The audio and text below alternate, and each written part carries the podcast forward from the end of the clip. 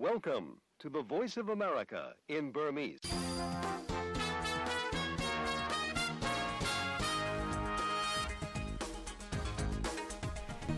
မင်္ဂလာမနက်ခင်းပါရှင်။ VOA American တန်ရဲ့2024ခုနှစ်ဇန်နဝါရီလ30ရက်နေ့အင်္ဂါနေ့မနက်ခင်းအစီအစဉ်တွေကိုမြန်မာစံတော်ချိန်မနေ့6နာရီကနေ9နာရီထိလိုင်းဒိုမီတာ3240ကိုလိုင်းလက်မီတာ190တို့ကနေတိုက်ရိုက်ထုတ်လွှင့်နေပါပြီ။ကျွန်မတင်ကြီးထိုက်ပါရှင်။ ဂျော်ဒန်နိုင်ငံမှာ အမေရိကန်တပ်သား၃ဦး drone တိုက်ခိုက်မှုကြောင့် သေဆုံးသွားတာနဲ့ပတ်သက်လို့ ကြီးမားတဲ့တုံ့ပြန်မှုလုပ်ဖို့ စီစဉ်နေတယ်လို့ အမေရိကန်သမ္မတအိမ်ဖြူတော်က ပြောပါတယ်။မြန်မာနိုင်ငံရဲ့ ဒီမိုကရေစီဖြစ်စဉ်ပေါ်မှာထိခိုက်နိုင်ခြေရှိတာတွေကို စီးပွားရေးလုပ်ငန်းတွေ သတိပြုစဉ်းစားဖို့ အမေရိကန်အစိုးရကနေပြီးတော့အကြံပြုချက်တရက်ထုတ်ပြန်ပါတယ်။မြန်မာရေး အာဆီယံကြိုးပမ်းမှုတွေပေါ်မှာနိုင်ငံရေးအရ အသုံးချမှုတွေကို ကာကွယ်နိုင်အောင်လို့မြန်မာရေး ပါဝင်ပတ်သက်သူတွေ အမျှော်မြင်ရှိကြဖို့ဆိုပြီးတော့အင်ဒိုနီးရှားနိုင်ငံရဲ့ဝန်ကြီးက သတိပေးပြောဆိုပါတယ်။ ကရင်ပြည်နယ်မှာစစ်တပ်ရဟတ်ယာဉ်ပစ်ချခံရတယ်ဆိုတဲ့အကြောင်းအမျိုးသားညီညွတ်ရေးအစိုးရ NUG ရဲ့တရုတ်ဆိုင်ရာမူဝါဒနဲ့တရုတ်ရင်းနှီးမြှုပ်နှံမှုတွေအပေါ်သဘောထားစစ်တမ်းတင်ဂါဇာမှာဖုံးအားသွင်းနိုင်ဖို့နဲ့ဘက်ထရီတွေအားဖြည့်နိုင်ဖို့အလဲကျဆောင်ဆိုင်ကြရတဲ့အခြေအနေပြင်သစ်ကလယ်သမားတွေရဲ့အခက်အခဲစတဲ့သတင်းဆောင်မတွေကိုလည်းသတင်းတွေပြီးမှနားဆင်ကြရပါမယ်။အပတ်စဉ်ခဏတွေတဲမှာတော့သတင်းတောင်မှတ်စုစီးပွားရေးလူမှုရှုခင်းနဲ့တက်တန်ရောက်သတင်းလွှာအစီအစဉ်တို့ကိုထုတ်လွှင့်မှာဖြစ်ပါတယ်ရှင်။အခုတော့ထိတ်တန်းရောက်သတင်းတွေကိုဥတင်မောင်တန်းကတင်ပြပေးပါမယ်။ဂျော်ဒန်နိုင်ငံမှာအမေရိကန်တပ်သား၃ယောက်ဒရုန်းတိုက်ခိုက်မှုကြောင့်သေဆုံးသွားခဲ့တာနဲ့ပတ်သက်ပြီးအကျိုးဆက်အလွန်ကြီးမားမယ့်တုံ့ပြန်ပုံမျိုးနဲ့တုံ့ပြန်ဖို့အမေရိကန်ကစီစဉ်နေတယ်လို့သမ္မတအိမ်ဖြူတော်ကတနင်္လာနေ့ကပြောကြားလိုက်ပါတယ်။ဆီးရီးယားနယ်စပ်အနီးဂျော်ဒန်အရှေ့မြောက်ပိုင်းကအမေရိကန်စစ်သားတွေနေထိုင်ရာနေရာကိုတိုက်ခိုက်ခဲ့ရာမှာစစ်သား၃၄ယောက်လည်းဒဏ်ရာရရှိခဲ့ပါသေးတယ်။ဒီအတွက် အီရန်ကျောထောက်နောက်ခံ စစ်သွေးကြွတွေအပေါ် အမေရိကန်သမ္မတဂျိုးဘိုင်ဒန်က အပြစ်ဖို့လိုက်ပါတယ်။သမ္မတဘိုင်ဒန် အမျိုးသားလုံခြုံရေးကောင်စီ ပြောရေးဆိုခွင့်ရှိသူဂျွန်ကာဘီက CNN ရုပ်မြင်သံကြားကို သမ္မတဘိုင်ဒန် တုံ့ပြန်လိမ့်မယ်လို့ ပြောခဲ့တာပါ။ဒါပေမဲ့ အမေရိကန်က အီရန်နဲ့ စစ်မဖြစ်ချင်သလို အရှေ့အလယ်ပိုင်းမှာ ပဋိပက္ခ ပိုကျယ်ပြန့်လာအောင် မလုပ်လိုဘူးလို့လည်းဂျွန်ကာဘီကဆိုပါတယ်။ အောက်လွှတ်တော်က ရီပတ်ဘလီကန် ဝေဖန်သူတချို့ကတော့ အီရန်ကို တိုက်ရိုက်တိုက်ခိုက်ဖို့ ဒီမိုကရက်သမ္မတကို တောင်းဆိုလိုက်ကြပါတယ်။ပါလက်စတိုင်းနိုင်ငံကို ထောက်ခံဖို့ကာကွယ်ပုံနဲ့ ပတ်သက်ပြီးတော့ ခုခံရေးအုပ်စုတွေက ဆုံးဖြတ်ကြရမှာတော့ အီရန်နိုင်ငံက ဘယ်အခန်းကဏ္ဍကမှ မပါဝင်ပါဘူးလို့ အီရန်နိုင်ငံရေးဝန်ကြီးဌာန ပြောရေးဆိုခွင့်ရှိသူ နာဆာ ကနာနီ က ပြောကြောင်း အီရန်နိုင်ငံတော်ပိုင် သတင်းဌာန IRNA က ပြောပါတယ်။ အမေရိကန်နိုင်ငံခြားရေးဝန်ကြီးအန်တိုနီဘလင်ကန်နဲ့ မြောက်အတ္တလန်တိတ် စစ်ရေးမဟာမိတ်အဖွဲ့နေတိုးအတွင်းရေးမှူးချုပ်ယွန်စတွန်တက်ပတ်တို့ အမေရိကန်နိုင်ငံ ဝါရှင်တန်ဒီစီမှာ တနင်္လာနေ့က တွေ့ဆုံခဲ့ကြပါတယ် နေတိုးအတွင်းရေးမှူးချုပ်ဟာ ယူကရိန်းကို ဆက်လက် အကူအညီပေးရေး တိုက်တွန်းဖို့ လွှတ်တော်အမတ်တွေအပြင် ကာကွယ်ရေးဝန်ကြီးဌာနက တာဝန်ရှိသူတွေနဲ့ တွေ့ဆုံဖို့ အမေရိကန်ကို ရောက်ရှိနေခဲ့တာပါ။ ယူကရိန်းအကူအညီပေးရေးကိုအမေရိကန်နိုင်ငံရဲ့နယ်စပ်လူဝင်မှုကိစ္စ၊တခြားနိုင်ငံရေးကိစ္စတွေနဲ့အောက်လွှတ်တော်ရီပတ်ဘလီကန်အမတ်တွေကချိတ်ဆက်ထားတာကြောင့်ကြန့်ကြာနေတာဖြစ်ပါတယ်။ယူကရိန်းမှာဖြစ်ပျက်နေတဲ့အကျင့်ပျက်ခြစားမှုတွေကိုဝေဖန်သူတွေကထောက်ပြထားကြပါတယ်ရုရှားကိုတိုက်ဖို့အမြောက်ကျည်တွေဝယ်ယူရေးသတ်မှတ်ထားတဲ့အမေရိကန်ဒေါ်လာသန်း၄၀ကိုအလွဲသုံးစားလုပ်ဖို့လက်နက်ကုမ္ပဏီဝန်ထမ်းတွေကတာဝန်ရှိသူတွေနဲ့လျှို့ဝှက်ပူးပေါင်းကြံစည်ခဲ့ကြတယ်လို့ယူကရိန်းလုံခြုံရေးဌာနကစနေနေ့ကပြောထားပါတယ်။ ငါးယောက်ကိုတရားစွဲဆိုထားပြီးတယောက်ကိုဖမ်းဆီးထားပါတယ်။ငွေတွေကိုတော့သိမ်းဆည်းရမိပြီးကာကွယ်ရေးဘတ်ဂျက်ကိုပြန်လည်လွှဲပြောင်းပြီးပြီလို့ယူကရိန်းရှေ့နေချုပ်ကပြောပါတယ်ခင်ဗျာ။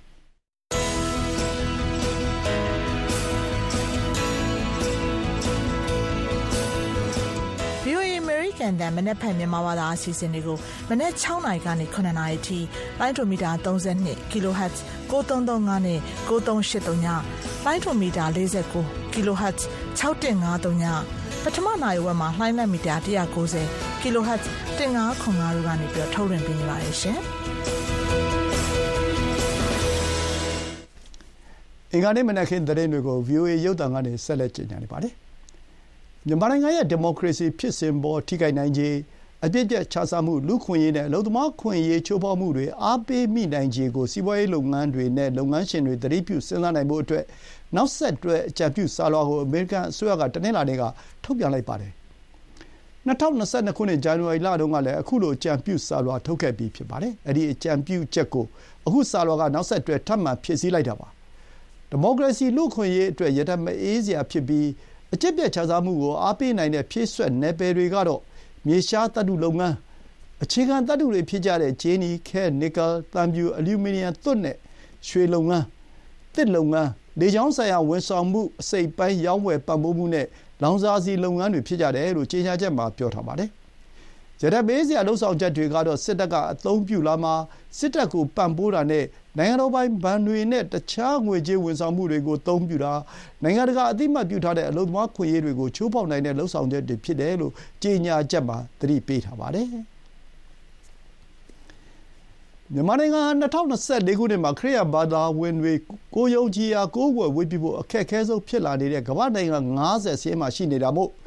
မြန်မာ့အရေးကို နှစ်ဆတိုးလုပ်ဖို့ အမေရိကန်အောက်လွှတ်တော် နိုင်ငံခြားရေးရာ ဆပ်ကော်မတီဥက္ကဋ္ဌခရစ်မတ်စ်ကတနင်္လာနေ့က တိုက်တွန်းလိုက်ပါတယ်။ I think the importance of, of this meeting uh, is to get all of us to redouble our efforts to help the CHIC, uh, to again to get သူတို့ firm ရဲ့ အရေးပါမှုက မြန်မာနိုင်ငံကို ကူညီဖို့ ပြောင်းလဲဖို့နဲ့ ကွန်ဂရက်လွှတ်တော်မှာ တခါ ပြန်အာရုံစိုက်ခံရဖို့ ကြိုးပမ်းအားထုတ်မှုတွေကို နှစ်ဆတိုးလုပ်ဖို့ပဲလို့ ကျွန်တော်ထင်ပါတယ် စစ်အစိုးရကအနိုင်မယူနိုင်လောက်အောင်အင်အားကြီးနေတာမျိုးမဟုတ်ပါဘူးဒါကိုစစ်ရေးအခြေအနေပါတွေ့နေရပါတယ်လို့စက်ကော်မတီဥက္ကဋ္ဌအောက်လွှတ်တော်အမတ်ခရစ်မတ်ကပြောသွားခဲ့တာပါမြန်မာနိုင်ငံမှာဘာသာရေးအချိုးပေါက်ခံရတဲ့ပုံကိုယ်တွေနဲ့သူတည်နာလောက်ခဲ့သူတွေကအောက်လွှတ်တော်မှာလာရောက်တင်ပြတဲ့ပွဲကိုတနင်္လာနေ့ကကွန်ဂရက်ရဲ့ Rayburn House အဆောက်အဦရုံးခန်းမှာကျင်းပခဲ့ပါတယ်။ဒီပွဲကိုအမျိုးသားညီညွတ်ရေးအစိုးရပြည်ထောင်စုလွှတ်တော်ကိုယ်စားလှယ် ကိုယ်စားပြုကော်မတီ CRPH တာဝန်ရှိသူတွေလည်းတက်ရောက်ခဲ့ကြပြီး CRPH ဥက္ကဋ္ဌဦးအောင်ကြည်ညွန့်ကအဖွင့်အမှတ်ချက်စကားပြောကြားခဲ့ပါတယ်။နိုင်ငံတကာဥပဒေပညာရှင်များကော်မရှင် ICJ ရဲ့၂၀၂၃ခုနှစ်ထုတ်မှတ်တမ်းအရဆိုရင်တော့ခရစ်ယာန်ဘာသာရေးဆိုင်ရာအဆောက်အအုံ၈၇ခုနဲ့ဗုဒ္ဓဘာသာဆိုင်ရာသာသနိကအဆောက်အအုံ၉၄ခုပျက်စီးခဲ့တယ်လို့ဆိုပါတယ်။မြန်မာနိုင်ငံကဘာသာရေးလွတ်လပ်ခွင့်နဲ့လူ့အခွင့်အရေးအတွက်လှုပ်ရှားနေတဲ့ Chin Association of Maryland ရဲ့ တွက်ချက်မှုအရဆိုရင်တော့၂၀၂၁ခုနှစ်ဖေဖော်ဝါရီလကနေ၂၀၂၃ခုနှစ်ဒီဇင်ဘာအတွင်းဘာသာရေးအဆောက်အအုံပေါင်း၂၂၀ပျက်စီးခဲ့ရတယ်လို့အဖွဲ့အစည်းအဝေးခံစာမှာဖော်ပြပါတယ်။ဒါ့အပြင်ပြီးခဲ့တဲ့၂၀၂၃ခုနှစ်စက်တင်ဘာကနေနှစ်ကုန်အထိမှာချင်းပြည်နယ်၊ကရင်နီနယ်ခေါ်ကယားပြည်နယ်နဲ့စစ်ကိုင်းတိုင်းဒေသကြီးတို့မှာနောက်ထပ်ခရစ်ယာန်ဘုရားကျောင်း၂၃ကျောင်းစစ်ကောင်စီလက်ချက်ကြောင့်ပျက်စီးခဲ့ရတယ်လို့ဖော်ပြထားပါတယ်။ မြန်မာ့အကျပ်အတည်းကို ဖြေရှင်းရာမှာ အားလုံးသဘောတူထားချက် ၅ ရပ် အကောင်အထည်ဖော်အောင် ဆက်လက် တွန်းအားပေးဖို့ အာဆီယံအဖွဲ့ဝင်တွေက ဆက်လက် ကိုင်စွဲထားတဲ့အတွက် အင်ဒိုနီးရှား နိုင်ငံခြားရေးဝန်ကြီးက ဝမ်းမြောက်ဝမ်းသာ ကြိုဆိုလိုက်တယ်လို့ အင်ဒိုနီးရှား နိုင်ငံတော်ပိုင် သတင်းဌာန Antara က ပြောလိုက်ပါတယ်။အားလုံးသဘောတူညီချက် ၅ ရပ် အကောင်အထည်ဖော်ဖို့ ဘယ်နိုင်ငံကမှ နှောင့်ယှက်တဲ့လုပ်ရပ်တွေ မလုပ်ဘူးလို့ အင်ဒိုနီးရှားနိုင်ငံက မျှော်လင့်ကြောင်း ကျမတို့လှမ်းမယ့်ခြေလှမ်းတွေကို နိုင်ငံရေးအရ အသုံးချသွားမှာကို ကာကွယ်နိုင်အောင် မြန်မာနိုင်ငံက ပါဝင်ပတ်သက်သူတွေနဲ့ အမြော်အမြင်ရှိရှိ ထိတွေ့ဆက်ဆံရေးက အရေးကြီးပါတယ်လို့ မစ္စ မာဆူဒီက သတင်းထုတ်ပြန်ချက်မှာ ပြောကြားပါတယ်။အာဆီယံရဲ့ အားလုံးသဘောတူညီချက် ၅ ရပ်က ပြောတာက အားလုံးပါဝင်တဲ့ တမျိုးသားလုံး တွေ့ဆုံဆွေးနွေးရေး ဖြစ်ပါတယ်။တရုတ်နိုင်ငံက တိုင်းရင်းသား လက်နက်ကိုင်အဖွဲ့အချို့နဲ့ စစ်ကောင်စီတို့ ညှိနှိုင်းဆွေးနွေးရေးမှာ ကြားဝင်ဆောင်ရွက်နေသလို မြန်မာစစ်တပ်က တဖွဲ့ချင်းနဲ့ ဆွေးနွေးရေးကို ဇောင်းပေး ပြောဆိုလေ့ရှိခဲ့ပါတယ် အင်ဒိုနီးရှားနိုင်ငံခြားရေးဝန်ကြီးရဲ့ထုတ်ပြန်ချက်မှာတော့ နိုင်ငံရေးအရ အသုံးချနိုင်တဲ့ လုပ်ကိုင်ပုံကို သီးခြား ထုတ်ဖော်ပြောကြားသွားတာ မရှိပါဘူး။မြန်မာနိုင်ငံရဲ့ အခြေခံပြဿနာက ဘာကိုပဲ လက်မှတ်ထိုးထိုး စစ်ကောင်စီက ယုံကြည်စရာမရှိတာပါပဲလို့ မြန်မာနိုင်ငံဆိုင်ရာ ကုလသမဂ္ဂ လူ့အခွင့်အရေး အထူးကိုယ်စားလှယ် Tom Andrews ကပြောကြားလိုက်ပါတယ်။ Channel News Asia သတင်းက မေးမြန်းရာမှာ Tom Andrews ကခုလို တနင်္လာနေ့က ပြောကြားလိုက်တာပါ။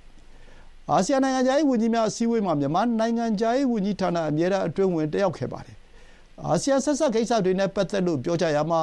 စစ်ကောင်စီကဒီနေ့ဒါကိုသဘောတူတယ်၊နောက်တနေ့ဒါနဲ့ဆန့်ကျင်ဘက်ကိုလုပ်တယ်လို့သူကဆိုပါတယ်။စစ်ကောင်စီခေါင်းဆောင်ဗိုလ်ချုပ်မှူးကြီးမင်းအောင်လှိုင်ရဲ့ရည်ရွယ်ချက်ကအာဏာဆက်ရှိနေဖို့ဖြစ်ပြီးဒီအတွက်တရားဝင်မှု၊ငွေနဲ့လက်နက်တွေသူလိုနေပါတယ်လို့မစ္စတာအင်ဒရူးကပြောပါတယ်။မြန်မာနိုင်ငံဟာဘေးအန္တရာယ်တခုအပေါ်နောက်တခုထပ်ဆင့်ကြုံနေရတယ်လို့လည်း အင်ဒရူးကဆိုပါတယ်။မြန်မာကလေးတွေဟာငတ်မွတ်နေကြရပြီးတိုင်းပြည်ရဲ့လူဦးရေတဝက်ကျော်ကဆင်းရဲတွင်းထဲရောက်နေပါတယ်။လွန်ခဲ့တဲ့သုံးနှစ်အာဏာသိမ်းပြီးကတည်းကမြန်မာနိုင်ငံဟာအလွန့်ကိုကြီးမားတဲ့ဘေးဒုက္ခထဲရောက်နေတယ်လို့မြန်မာနိုင်ငံဆိုင်ရာကုလသမဂ္ဂလူ့အခွင့်အရေးအထူးကိုယ်စားလှယ်ကဆိုပါတယ်ခင်ဗျာ။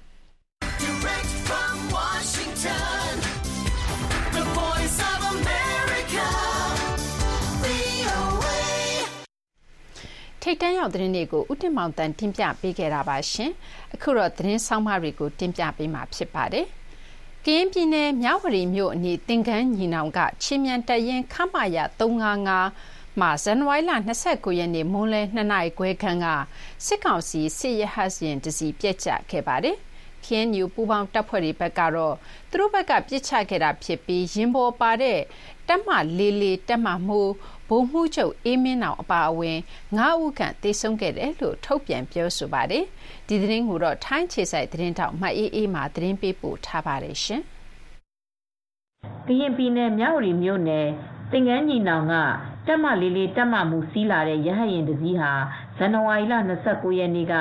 ပြက်ကျသွားခဲ့တာပါဒီပြက်ကျမှုဟာစစ်ကောင်စီနဲ့တိုက်ပွဲတွေဖြစ်နေတဲ့ကရင်မျိုးသားလွတ်မြောက်ရေးတပ်နဲ့ PDF ပူးပေါင်းထားတဲ့ကော်ပရာစစ်ကြောင်းကစနိုက်ပါသမားတွေက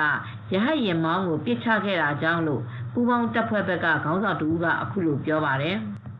ဒီနေ့2နာရီ45လောက်မှာပေါ့နော်ဒီဟာကုန်းဒီကိုဟုတ်လားသင်္ကန်းညီနောင်ဒီဟာကုန်းကိုဟိုတက်ချင်းမှုရောက်လာတဲ့လေးလေးတက်မှတ်မှုပါဝင်အာအေး ရရဟရင်နေပေါ့နော်လာတဲ့ချိန်မှာကျွန်တော်တို့ဒီဟိုဘူတာဘောအဖွဲ့ကပေါ့နော်ကျွန်တော်တို့အဲ့ဒီအဖွဲ့ကနေပြီးတော့စနိုက်ပါနဲ့ပြစ်လိုက်တာလေရင်ရဲ့ဒီရရဟရင်မောင်းရဲ့ pilot ကိုထိတဲ့ခါကျတော့လေရင်ကအာထိုးကြသွားတာပေါ့ပြက်ပြက်သွားတာပေါ့နော်ပြက်သွားတဲ့အချိန်မှာအဲ့တက်မမှုတက်မမှုပါဝင်ရဲဘော်အားလုံးပေါင်း9ယောက်ပေါ့ဒီအလီပိုက်တော့ပါအားလုံးရဲဘော်9ယောက်အာကြာဆုံးသွားတယ်လို့တင်းရအာ ဒီနေ့ဖြစ်တဲ့ဖြစ်စဉ်ပေါ့နော်ဟုတ်ကဲ့ဟုတ်ကဲ့ငင်းနေတော့ပါပါဒီကကျွန်တော်စုံစမ်းရသလောက်တော့ဒီတက်မမှုကပြင်းထန်တန်ရာပေါ့နော်ဒါပေမဲ့ဒီနေ့နေသတင်းရတော့ကြာဆုံးတီရောကြီးတော့ကြားတယ်ဟုတ်ကဲ့ပြန်တန်းတဲ့ရဟတ်ရင်ကခက်နှိမ့်နှိမ့်ပြန်တန်းလာကြောင်းကော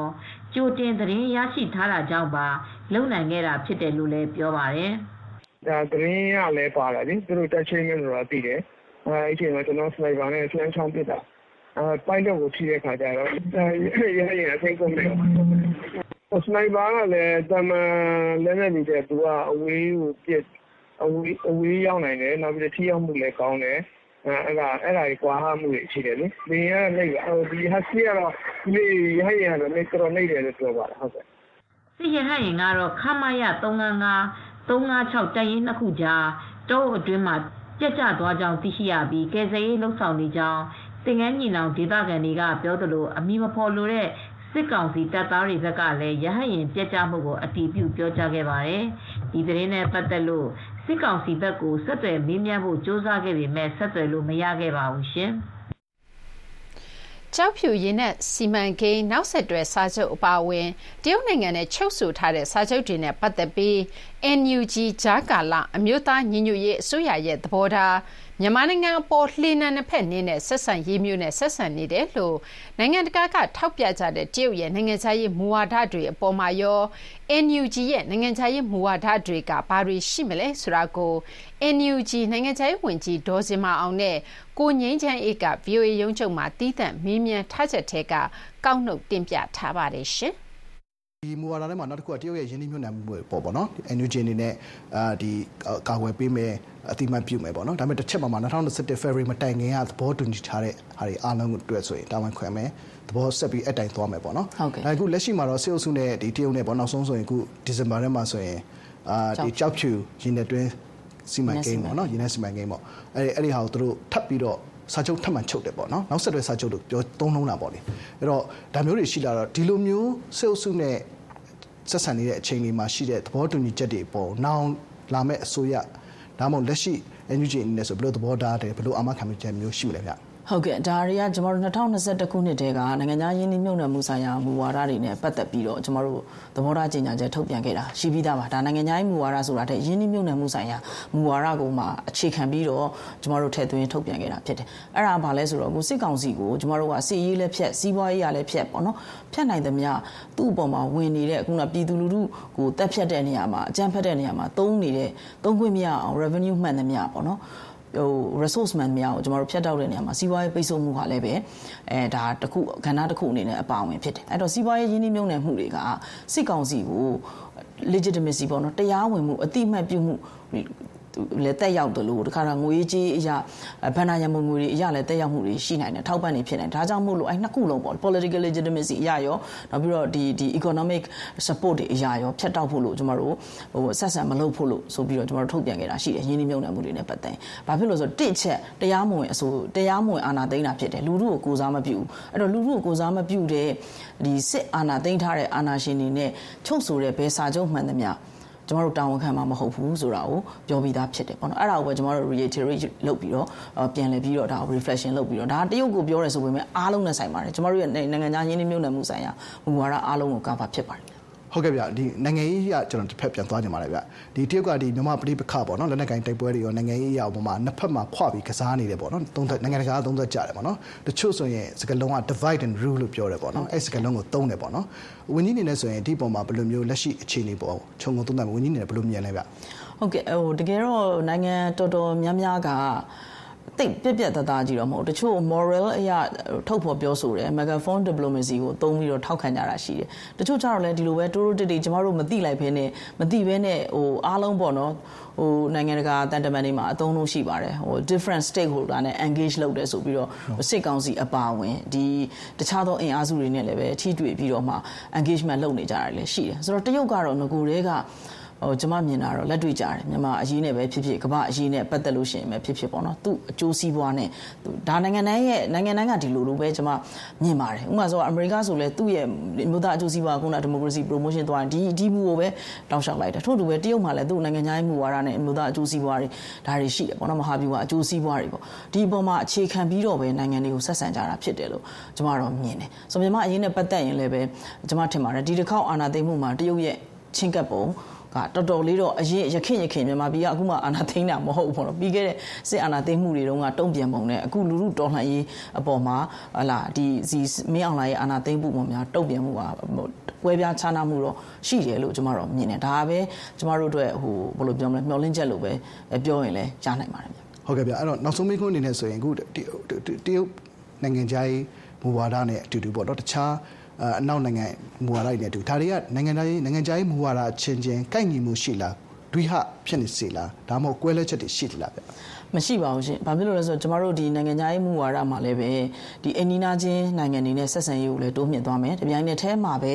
အဲကျမတို့မြန်မာဒီမိုကရေစီအရေးကိုထောက်ခံအားပေးနေတဲ့အစဉ်လာမဟာမိတ်တွေနဲ့လည်းပဲအဲပူးပေါင်းဆောင်ရွက်မှုကိုမြင့်တင်သွားမှာဖြစ်တယ်လို့အဓိကတော့ကျမတို့ main course ကကျမတို့လည်းကျမတို့တိုင်းပြည်ရဲ့အမျိုးသားအကျိုးစီးပွားပဲ။ကျမတို့တိုင်းပြည်ရဲ့အမျိုးသားအကျိုးစီးပွားကဘာလဲဆိုတော့အာဏာရှင်စနစ်ပြုတ်ကျပြီးတော့ဒီမိုကရေစီ Federal Democracy ပြည်ထောင်စုထူထောင်ဖို့ပဲ။ဒါကိုထောက်ခံတဲ့အားပေးတဲ့ဘယ်နိုင်ငံနဲ့မှဆိုကျမတို့ကရင်းရင်းနှီးနှီးဆက်သွယ်ဆောင်ရွက်သွားဖို့အစဉ်သင့်ရှိတယ်ဆိုတော့ကျမတို့ principle အရပဲဆက်သွယ်ဆောင်ရွက်တာဖြစ်တဲ့အတွက် contradict မဖြစ်ဘူးလို့ပဲကျွန်မပြောချင်ပါတယ်ဟုတ်ကဲ့ကျေးဇူးပါများဟုတ်ကဲ့ရှင်ကျေးဇူးအများကြီးတင်ပါတယ် VOA မြန်မာပိုင်းစီစဉ်ရဲ့မနေ့ကရေဒီယိုရုပ်သံစီစဉ်တွေကိုအမေရိကန်ပြည်ထောင်စုဝါရှင်တန် DC မြို့တော်ကနေနေ့စဉ်မြန်မာစံတော်ချိန်မနေ့6နာရီကနေ9နာရီထိလိုင်းဒိုမီတာ32 kHz 9335နဲ့9383ည လိုင်းဒိုမီတာ 49 kHz 6153ညလိုင်းလမီတာ190 kHz 1505တို့ကနေတိုက်ရိုက်ထုတ်လွှင့်ပေးနေပါတယ်ရှင်။မကြခင်မှာတော့သတင်းဆောင်မတွေနဲ့သတင်းဖတ်ဆင်ခဏတွေကိုဆက်လက်နားဆင်ကြရပါမယ်ရှင်။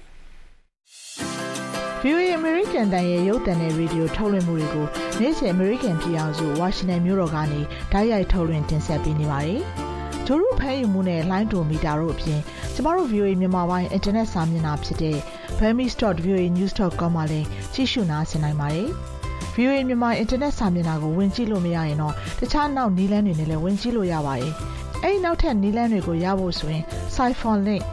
bit.ly/36fapfe နဲ့ nlink ဖြစ်တဲ့ nlink.com/download ဆိုတဲ့ web လိပ်စာတွေမှာ application ရယူနိုင်ပါတယ်နော်။ VOA American တန်ရဲ့ရုပ်သံနဲ့ရေဒီယိုထုတ်လွှင့်ချက်တွေကိုမြန်မာပြည်သူတွေစီအရောက်ပို့ပေးနိုင်မှုအစီအမြဲကြိုးပမ်းနေပါတယ်ရှင်။အခုတော့နိုင်ငံတကာသတင်းဆောင်မတွေကိုတလှည့်တင်ပြပါမယ်ရှင်။စစ်ပွဲကြားမှာရှင်သန်နေထိုင်ရတဲ့အချိန်အဝေးရောက်နေတဲ့မိတ်ဆွေမိသားစုတွေရောအဆင်ပြေလားလို့ဆက်သွယ်မေးမြန်းနိုင်ဖို့မိုဘိုင်းဖုန်းချိတ်ဆက်နိုင်ဖို့အရေးကြီးပါတယ်။ ဂါဇာဒေသမှာတိုက်ခိုက်မှုတွေကြားဖုံးအားသွင်းနိုင်ဖို့နဲ့အသက်ရှူစက်လက်ပတ်နိုင်အောင်သုံးရတဲ့ဘက်ထရီအိုးတွေ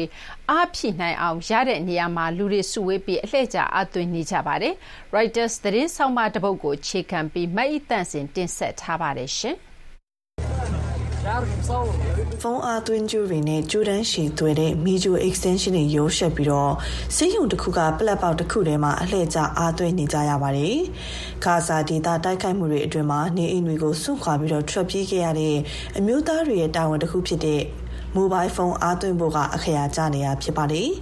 စစ်ပွဲတွေအတွင်းမှာအားပြည့်ပြီးတော့အသုံးဝင်တဲ့ဖုန်းရှိဖို့ကအရေးကြီးတာပါ။အစ္စရေးရဲ့တိုက်ခိုက်မှုတွေကြားမှာကွဲကွာသွားတဲ့ဆွေမျိုးသားချင်းတွေအဆင်ပြေရလားမိုဘိုင်းဖုန်းနဲ့ဆက်သွယ်မေးမြန်းနိုင်တယ်လို့အစားအစာနဲ့ရည်တန့်ဘယ်တော့ဘယ်နေရာမှာရမလဲဆိုတာကိုလေဖုန်းသုံးပြီးတော့ရှာကြည့်နိုင်ပါတယ်။ညအချိန်ယာယီတဲထဲမှာမှောင်မိုင်းနေတဲ့အခါမှာလေလက်ခိုင်ဖုန်းသုံးပြီးတော့ဓာတ်မီလိုမျိုးမီးထွန်းနိုင်တာပါ။ بالنسبه لشحن الجوال يعني بشحنه 60 တနေ့ကို3-4နာရီလောက်အချိန်ကုန်ခံပြီးဒီမှာဖုန်းအားလာသွင်းရပါတယ်။ဂါဇာမြောက် ပိုင်းမှာ အင်တာနက်နဲ့ ဖုန်းလိုင်း ဆက်သွယ်မှုရနေသေးတော့ အဲ့ဒီက ဆွေမျိုးတွေနဲ့ ဆက်သွယ်ဖို့နဲ့ မီးထွန်းဖို့ ဖုန်းကို သုံးရပါတယ်။ဆက်သွယ်ရတာ ခက်ပါတယ်။လိုင်းတွေက မကောင်းတော့ပါဘူး။ဖုန်းကို အားပြည့်သွင်းနိုင်ဖို့လည်း ခက်ခဲပါတယ်။အလွန်ဆုံး50-60ရာခိုင်နှုန်းလောက်ပဲ ဖုန်းအားသွင်းနိုင်တာပါ။စစ်ပွဲမတိုင်ခင်တုန်းက အားလုံးအဆင်ပြေတော့ကဆိုရင် ဖုန်းအားပြည့်အောင်မြဲသွင်းနိုင်ခဲ့တာ အခုတော့ ဒါတွေက အိမ်မက်တွေလိုပါပဲ။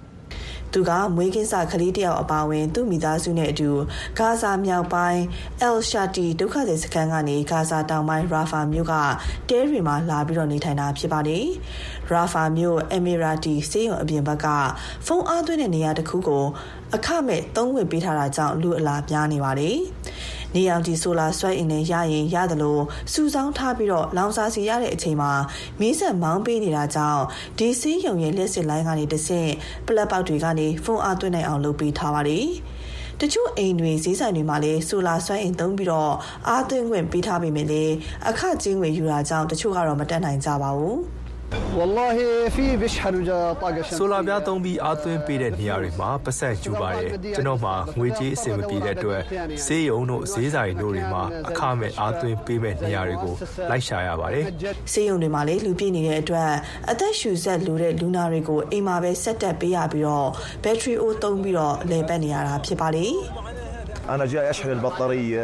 قول لي من الساعه 7 الصبح မနက်9နာရီကတည်းကအားသွင်းဖို့နေရာရှာနေတာ ဒီဆေးရုံမှာကြတော့လဲမီးအားနေပြီးပြက်ကြပါတယ်ဘယ်နေရာမှမတွေ့ပဲဒီရောက်တော့လဲသူများတွေဥသွားလို့တွင်းစရာနေရာမရှိတော့ပါဘူး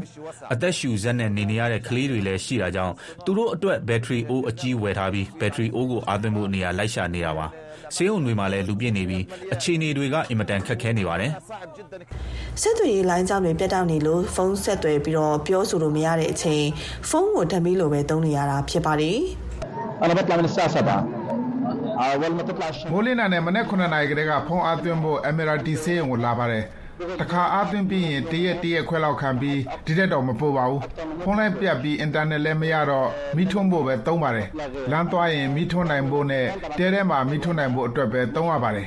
လက်ခိုင်ဖုန်းတွေတင်အားသွင်းဖို့လိုတာမဟုတ်ပါဘူးစီပင်ညက်တဲ့ဂျုတ်ကလည်းအားသွင်းဖို့လိုတာကြောင့်အားမသွင်းနိုင်တဲ့နေ့ဆိုရင်စန်တာစီယာအလုံးမလုံးနိုင်ပဲဖြစ်နေပါတယ် تقريبا كل من بين كل بكل راس وكل راس من စပင်တစ်ခါညှပ်ပေးပြီးတိုင်းဂျုတ်ကိုအားသွင်းဖို့ကျွန်တော်တူကိုခိုင်းရပါတယ်နေသားတဲ့နေ့ဆိုရင်ဆိုလာနဲ့အားသွင်းနိုင်လို့စပင်ညှပ်ပေးနိုင်ပြီးတော့တခြားနေ့တွေဆိုရင်တော့မရဘူးလို့ဖောက်တွေတွေကိုပုံမှန်လင်းလင်းပဲပြောရပါတယ်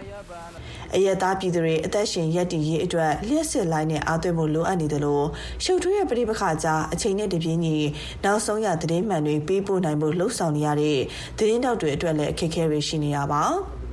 اكثر المشاكل اللي احنا بنعاني منها هو انقطاع ဒီပြတ်တာကအဓိကပြဿနာပါသတင်းတောက်တွေနောက်ဆုံးသတင်းရနိုင်ဖို့ဖုံအားသွင်းဖို့လိုပါတယ်ဒါကြောင့်သတင်းတောက်အလုပ်လုပ်နိုင်ဖို့ဆေးရုံအများသုံးနေရာသူများအိမ်စသဖြင့်ဆိုလာပြားရှိတဲ့နေရာတွေမှာဖုန်းကွန်ပျူတာကင်မရာတွေကိုအားသွင်းရပါတယ် ဟမတ်စစ်သွေးကြတွေအစ္စရေးတောင်ပိုင်းကို2023အောက်တိုဘာလတုန်းကဝင်းရောက်စီးနှင်ပြီးတော့လူအယောက်1900 ကိုတပ်ဖြတ်ဒဇာကန်အယောက်240ကိုဖမ်းဆီးခဲ့ပြီးတဲ့နောက်အစ္စရေးပါလက်စတိုင်းစစ်ပွဲစတင်ဖြစ်ပွားခဲ့တာပါဟာမတ်စ်ရဲ့တိုက်ခိုက်မှုကိုတုံ့ပြန်တဲ့အနေနဲ့အစ္စရေးဘက်ကလည်းဂါဇာဒေသကိုဝင်ရောက်ထိုးစစ်ဆင်တိုက်ခိုက်နေတာမှာဒီတိုက်ခိုက်မှုအတွင်းပါလက်စတိုင်းအယောက်2400ကျော်အသက်ခံရပြီးဖြစ်တဲ့အကြောင်းဂါဇာဒေသကျန်းမာရေးဌာနအချက်အလက်တွေမှာဖော်ပြထားပါတယ်။ ပါလက်စတိုင်းအရသားအများစုကအိုးအိမ်စွန့်ခွာပြောင်းရွှေ့နေထိုင်နေရပြီးတော့အစားအစာတောက်ရည်လျှက်စစ်မီးနဲ့စီးဝါအရေးကြီးလိုအပ်နေတဲ့အကြောင်းကုလသမဂ္ဂရဲ့ချက်လက်တွေမှာဖော်ပြထားပါတယ်ရှင်။ပြင်သစ်နိုင်ငံမှာတော့လေယာမြင့်နဲ့ပတ်သက်တဲ့တင်းကျပ်တဲ့မူဝါဒတွေစိုက်ပျိုးစီကြီးမြင့်လာမှုတွေအပါအဝင်အထွေထွေမကျေနပ်မှုတွေကြောင့်ဒေသအနှံ့ကလယ်သမားတွေဟာအစိုးရကိုစန့်ကျင်ဆန္ဒပြတဲ့အနေနဲ့အဝေးပြေးလမ်းမတွေကိုအမိုက်သရိုက်တွေချပိတ်ဆို့ထားကြပါတယ်။ ဒီအကြောင်း Reuters သတင်းတပုတ်ကိုအခြေခံပြီးကိုခင်မောင်စိုးမင်းတင်ပြထားပါတယ်ရှင်။ ပြင်သစ်နိုင်ငံအနှံ့ကလယ်သမားတွေဟာသူတို့ရဲ့လေယာသုံးရင်တွေနဲ့အဝေးပြေးလမ်းမတွေအတိုင်းစုပေါင်းချီတက်လာကြပါတယ်။အဲဒီနောက်လေယာသုံးထွန်ဆက်ဆွဲနောက်တွဲထွေလာတွေနဲ့တဲဆောင်လာတဲ့အမိုက်တရိုက်တွေရေဆွေးတွေကိုလမ်းမပေါ်ချပြီးလမ်းတွေကိုပိတ်ဆို့ကအစိုးရကိုစန့်ကျင်ဆန္ဒပြကြပါတယ်။တချို့ကလည်းအဲဒီလိုတဲဆောင်လာတဲ့အမိုက်တရိုက်တွေမြေဆွေးတွေနဲ့နိုင်ငံခြားကလာတဲ့ဟင်းသီးဟင်းရွက်တွေကိုဒေသဆိုင်ရာအုပ်ချုပ်ရေးယုံအနားမှာသွန်ပစ်ကြပါတယ်။ လေယာထုတ်ကုန်တွေအပေါ်မှာအစိုးရရဲ့တင်းကျပ်တဲ့စီမင်းစည်းကမ်းတွေကြောင့်သူတို့ရဲ့ဝင်ငွေတွေလျော့နေလာမှာကိုလယ်သမားတွေကစိုးရိမ်ပြီးစန္ဒပြကြတာဖြစ်ပါတယ်။ဒါနဲ့ပတ်သက်ပြီး Paris မြို့ Dauphine တက္ကသိုလ်ကဈေးကွက်အထူးပြုစီးပွားရေးပညာရှင် Philippe Kemin ကအခုလိုပြောပါတယ်။ There is first a question of revenue uh, and it's clear that uh, ပထမဆုံးမေးခွန်းထုတ်အောင်မှာကပြင်သစ်လယ်သမားတွေရဲ့ထုတ်လုပ်မှုကနေရရှိတဲ့ဝင်ငွေကိုပါသူတို့အကျိုးရလက်သိပ်မရကြဘူးဆိုတာရှင်းပါတယ်ဒုတိယအချက်ကတော့လယ်သမားတွေလိုက်နိုင်ရမယ့်စီးမြင်စည်းကမ်းတွေကတင်းကျပ်များပြားလွန်းနေပါတယ်အဲတတိယတစ်ချက်ကတော့လေယာမြေဆိုင်ရာရေတိုမူဝါဒတွေကိုစန့်ကျင်ကြတာပါပြင်သစ်လယ်သမားတွေအစိုးရကိုအဲ့ဒီလိုစန့်ကျင်ဆန္ဒပြကြတာဟာဒုတိယသတင်းပတ်တဲ့ကိုရောက်ရှိလာကြပါပြီသူတို့ဆန္ဒပြတဲ့အထက်မှာနိုင်ငံခြားကနေဈေးပေါ်ပေါ်နဲ့တင်သွင်းလာတဲ့စိုက်ပျိုးရေးထွက်ကုန်တွေကြောင့်ပြင်သစ်တောင်သူလယ်သမားတွေထိခိုက်ရတဲ့အချက်လက်ပါဝင်ပါတယ်။ ဒါပြင်စိုက်ပျိုးစရိတ်ကြီးမြင့်လာတာကျိုးနီစနစ်ခေါ်ရုံးလုံထုံးလုံပြီးကြမ်းကြတာတွေစတဲ့အချက်တွေလည်းပါဝင်ပါတယ်။သူတို့ရဲ့တောင်းဆိုချက်တွေကိုအစိုးရအနေနဲ့လိုက်လျောမှုမရှိမချင်းဆက်လက်ဆန္ဒပြကြမှာဖြစ်တဲ့အတွက်ဒါဟာဆိုရင်ပြင်သစ်အစိုးရဝန်ကြီးချုပ်ဂါဘရီယယ်အတဲလ်အတွက်အဓိကစိန်ခေါ်မှုကြီးဖြစ်ပါတယ်။ အခုလို လယ်သမားတွေရဲ့ အစိုးရစန့်ကျင်ရေး ဆန္ဒပြပွဲဟာ ပြီးခဲ့တဲ့2018ခုနှစ်က တနိုင်ငံလုံးဖြစ်ပွားခဲ့တဲ့ လူနေမှုစရိတ်မြင့်တက်မှု အထူးသဖြင့် လောင်စာဈေးနှုန်းကြီးမြင့်မှုကိုစန့်ကျင်ဆန္ဒပြတဲ့ ပုံစံနဲ့တူပြီး လက်ရှိသမ္မတအီမန်နျူယ်မက်ခရွန်အတွက် ကြီးမားတဲ့အကြက်အတဲကို ဖြစ်ပေါ်စေတယ်လို့ Paris မြို့ Dauphine တက္ကသိုလ်က ဈေးကွက်အထူးပြု စီးပွားရေးပညာရှင် Philippe Camin ကပဲ အခုလို ပြောပါတယ် they are fed up they are nothing to lose သူတို့တွေဟာစိတ်ပြက်နေကြပါပြီဒါထက်ဆုံးရှုံးစရာလည်းမရှိတော့ပါဘူးဒါကြောင့်သူတို့နီးသူတို့ဟန်နဲ့စန့်ကျင်ဆန္ဒပြကြတာပါအရင်2018လောင်စာစီအပါအဝင်ကုန်စည်နှုန်းတွေတက်တုန်းကအဝါရောင်ဂျာစီဆင်သူဝစ်ဆင်ပြီးစန့်ကျင်ဆန္ဒပြခဲ့ကြပါတယ်အခုလဲသူတို့တွေကအစိမ်းရောင်ဂျာစီဒါမှမဟုတ်အစိမ်းရောင်အုတ်ထုပ်တွေဆင်သူစောင်းပြီးစန့်ကျင်ဆန္ဒပြဖို့တိုင်ပင်နေကြပါပြီ ဥရောပသမဂ္ဂ EU အဖွဲ့ဝင်နိုင်ငံတွေထဲမှာ စိုက်ပျိုးရေးလုပ်ငန်းအကြီးမားဆုံးဖြစ်တဲ့ ပြင်သစ်နိုင်ငံကဩဇာကြီးမားတဲ့ FNSEA လက်သမားသမဂ္ဂအနေနဲ့ ပြီးခဲ့တဲ့ ဗုဒ္ဓဟူးနေ့ကလေယာသုံးစက်ပစ္စည်းတွေအတွက် လောင်စာစီဈေးနှုန်းကျဆင်းရေး ရေတိုလာမှုပြဿနာဖြေရှင်းရေး အပါအဝင် တောင်းဆိုချက်တရားကို အစိုးရစီပေးပို့လိုက်ပါတယ်။ ဂျာမနီ ပိုလန်နဲ့ ရိုမေးနီးယားနိုင်ငံတွေက လယ်သမားတွေ အစိုးရကိုစန့်ကျင် ဆန္ဒပြ သပိတ်မှောက်တာမျိုး ဖြစ်လာမှာကို စိုးရိမ်ပြီး ပြင်သစ်အစိုးရအနေနဲ့ အရင်ကလေယာလောက်ကင်သူတွေပုံမများပြားလာရေးဆိုတဲ့ ဥပဒေမူကြမ်းကို ပြန်လည် ရွှေ့ဆိုင်းလိုက်ပါတယ်။ဒါအပြင် တင်းကျပ်တဲ့စီမင်းစည်းကမ်းတွေကိုလည်း ပြန်လည် လျှော့ပေါ့ပေးမယ်လို့ကြေညာပေးလိုက်ပါတယ်။ လာမယ့်ဂျွန်လဥရောပပါလီမန်ရွေးကောက်ပွဲမတိုင်ခင် နိုင်ငံအတွင်းကလယ်သမားတွေဟာလက်ရဇွန်းရောက်ပါတီကိုထောက်ခံတာမျိုးမဖြစ်အောင်လဲပြင်သစ်သမ္မတအီမန်နျူယ်မက်ခရွန်အနေနဲ့သတိကြီးကြီးထားနေရပါတယ်။ ပြင်သစ်အပါအဝင် ဥရောပကလယ်သမားတွေရဲ့အစိုးရစန့်ကျင်ရေးဆန္ဒပြပွဲတွေဟာအဓိကဥရောပသမဂ္ဂ EU ရဲ့စိမ့်လန်းဆိုပြေရေးအစီအစဉ်ဖြစ်တဲ့တန်ရှင်းလောင်စာနဲ့စက်မှုကဏ္ဍမှာရာသီဥတုနဲ့ကိုင်းညီတဲ့လှုပ်ဆောင်ချက်တွေအပေါ်မှာတော့အားနည်းသွားစေတဲ့သက်ရောက်မှုတွေဖြစ်လာနိုင်တယ်လို့လည်းဖီလီဖေကာမင်ကပြောပါတယ်ခင်ဗျာ VOA မြန်မာပိုင်းအစီအစဉ်ရဲ့ရေဒီယိုရုပ်သံအစီအစဉ်တွေကို VOA ရဲ့ website စာမျက်နှာ burmese.voanews.com မှာအတန်လွှင့်ချိန်နဲ့တပြေးညီတိုက်ရိုက်ထုတ်လွှင့်ပေးနေသလိုပဲ VOA မြန်မာပိုင်းအစီအစဉ်ရဲ့လူမှုကွန်ရက် Facebook နဲ့ YouTube စာမျက်နှာတို့ကနေလည်းတိုက်ရိုက်ထုတ်လွှင့်ပေးနေပါတယ်ရှင်။မကြခင်မှာတော့သတင်းပတ်စင်ခဏတွေကိုနားဆင်ကြရပါမယ်။ VOA American တန်ကနေ့စဉ်တင်ဆက်ပေးနေတဲ့နောက်ဆုံးရကဘာနဲ့မြန်မာသတင်းတွေသတင်းဆောင်မတွေကိုအီးမေးလ်သတင်းလွှာအဖြစ်နဲ့ VOA ပြည်သက်တွေစီကိုနေ့စဉ်အရောက်ပို့ပေးနေပါတယ်ရှင်။အခုဆိုရင်ဒီအီးမေးလ်သတင်းလွှာကို Facebook စာမျက်နှာကနေပြီးတော့လွယ်လွယ်ကူကူတောင်းယူနိုင်ပါတယ်။ Facebook အသုံးပြုတဲ့သူတွေအနေနဲ့ VOA မြန်မာပိုင်း Facebook စာမျက်နှာမှာ sign up ဆိုတဲ့အပြရောင်အတန်းလေးကိုနှိပ်လိုက်ရင်အလိုလျောက်ကျမတို့ရဲ့ internet ပင်မစာမျက်နှာပေါ်ကအီးမေးလ်သတင်းလွှာတောင်းယူနိုင်တဲ့နေရာကိုရောက်ရှိပါတယ်။ VOA မြန်မာပိုင်းပင်မစာမျက်နှာမှာဆိုရင်လည်းသတင်းတွေအောက်မှာဝန်ဆောင်မှုများဆိုတဲ့ခေါင်းစဉ်နဲ့နေ့စဉ်အီးမေးလ်သတင်းလွှာဆိုတဲ့စာသားလေးတွေ့ရင်တော့အဲ့ကနေပြီးတော့အီးမေးလ်သတင်းလွှာတောင်းယူနိုင်ပါတယ်။နောက်တစ်နည်းကတော့ VOA မြန်မာ email လိပ်စာ bami@voanews.com ဒါမှမဟုတ်ရင်လည်း VOA မြန်မာ Facebook Messenger ကနေပြီးတော့ကိုယ့်ရဲ့ email လိပ်စာကိုရေးပို့လိုက်ပါနော်။ email လိပ်စာကိုတေချာမှတ်အောင်ရေးပို့ဖို့တော့လိုပါတယ်။နေ့စဉ်တစ်နေ့နှစ်ချိန်ပို့ပေးနေတဲ့ email သတင်းတော်က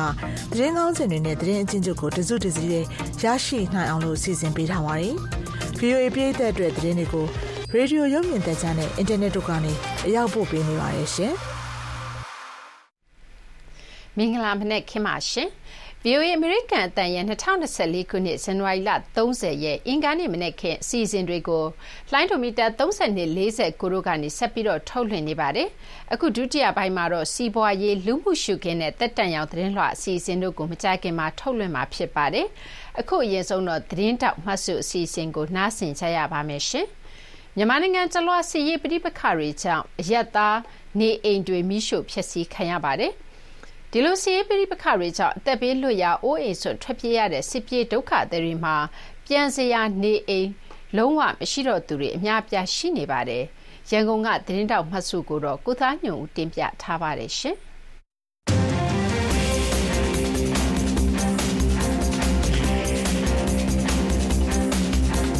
ကအာဏာသိမ်းပြီးတဲ့နောက်ပိုင်းစီးရေးပြိပခါတွေအတွင်းအရသာနေအိမ်တွေမိရှို့ဖျက်ဆီးတဲ့ဖြစ်စဉ်တွေကအခုခက်ဆိတ်ဆိတ်ဖြစ်လာနေပါတယ်။ တချို့ကြေးရွာတွေမှာဆိုလို့ရှိရင် ထိတွေ့တိုက်ပွဲမရှိဘဲနဲ့စစ်ကောင်စီတပ်ဖွဲ့ဝင်တွေ ဝင်ရောက်ခဲ့တဲ့နေရာအများစုမှာကြေးရွာနေအိမ်တွေမိရှို့ခံခဲ့ရတယ်လို့ ဒေသခံတွေက ပြောကြပါတယ်။စစ်ကောင်စီဘက်ကတော့ PDF အဖွဲ့တွေဟာကြေးရွာတွေကိုခြေပြုတ်ပြီးတော့အကြမ်းဖက်မှုတွေ ကျူးလွန်နေတယ်ဆိုပြီးတော့မကြမကြာထုတ်ပြန်တယ်လို့ပဲကြေးရွာမိရှို့ဖျက်ဆီးမှုတွေကို PDF ဘက်က လုပ်တယ်ဆိုပြီးတော့လည်းတံပြန်ဆွဆွဲတာတွေ ရှိပါတယ်။ အထူးသဖြင့်ဒီစကိုင်းတိုင်းထဲမှာ စစ်ကောင်စီကိုစန့်ကျင်နေတဲ့ ဒေသခံကာကွယ်ရေးအဖွဲ့တွေရှိသလိုပဲစစ်ကောင်စီကိုလူလားထောက်ခံတဲ့ကြေးရွာသားတချို့ကလည်း ပြည်သူစစ်တွေဖွဲ့ပြီးတော့ကြေးရွာတွေမှာ ထိုင်ချနေတာတွေ ရှိပါတယ်။တချိန်တည်းမှာပဲ စစ်ကောင်စီစစ်ကြောင်းတွေကကြေးရွာတွေကိုနေမြေရှင်းလင်းရေးဆိုပြီးတော့စစ်ဆင်မှုတွေလည်း ရှိနေပါတယ်။ပြီးခဲ့တဲ့2023ခုနှစ် တနှစ်အတွင်းမှာပဲ စစ်ကောင်စီဘက်ကရက်သားနေအိမ်3000ကျော်ကိုမိရှို့ဖျက်ဆီးခဲ့တယ်လို့ လူခွင့်ရေးအဖွဲ့တစ်ဖွဲ့ဖြစ်တဲ့ Data for Myanmar အဖွဲ့ကစီရင်ပြုစုထားပါတယ်။ စစ်ကောင်စီတပ်ဖွဲ့တွေရဲ့စစ်စင်ရေးတွေကြောင့်ဒေသခံတပ်တောင်းကျော်ထွက်ပြေးတင်းရှောင်နေရတဲ့တနင်္လာရီတိုင်းဒဝဲခရိုင်လောင်းလုံးမြို့နယ်မှာနေအိမ်အတော်များများမိရှို့ဖျက်ဆီးခံထားရပါတယ်။ရွာပေါင်း16ရွာကဒေသခံ12000ဝန်းကျင်စစ်ရှောင်နေခဲ့ရတယ်လို့ကုညီနေသူတွေစီကနေပြီးသိရပါတယ်။ဒါပေမဲ့လည်းတကယ်မြေပြင်မှာဒုက္ခတွေ့နေကြတဲ့ကြေးရွာတွေနဲ့ဒေသခံဥယေကဒီထက်ကိုပိုပြီးတော့များနိုင်တယ်လို့ဆိုပါတယ်။ စစ်ကောင်စီအဖွဲ့တွေမရှိတော့ပေမဲ့လည်းရွာရီတဲကိုဒေသခံအားလုံးပြန်မဝင်နိုင်သေးပါဘူး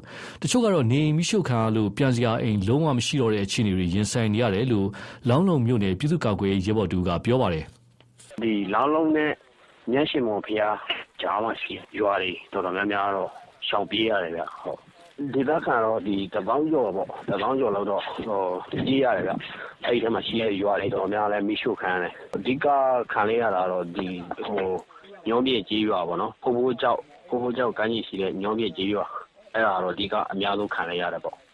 ဟိုတချို့ကတော့ပြန်ရောက်နေပြီဗျသူတို့စပေးရှောင်းဆိုတော့သူတို့ခဏရှောင်းသွားတာပေါ့နော်ပြန်နေလို့ရတဲ့အနေထားရှိတဲ့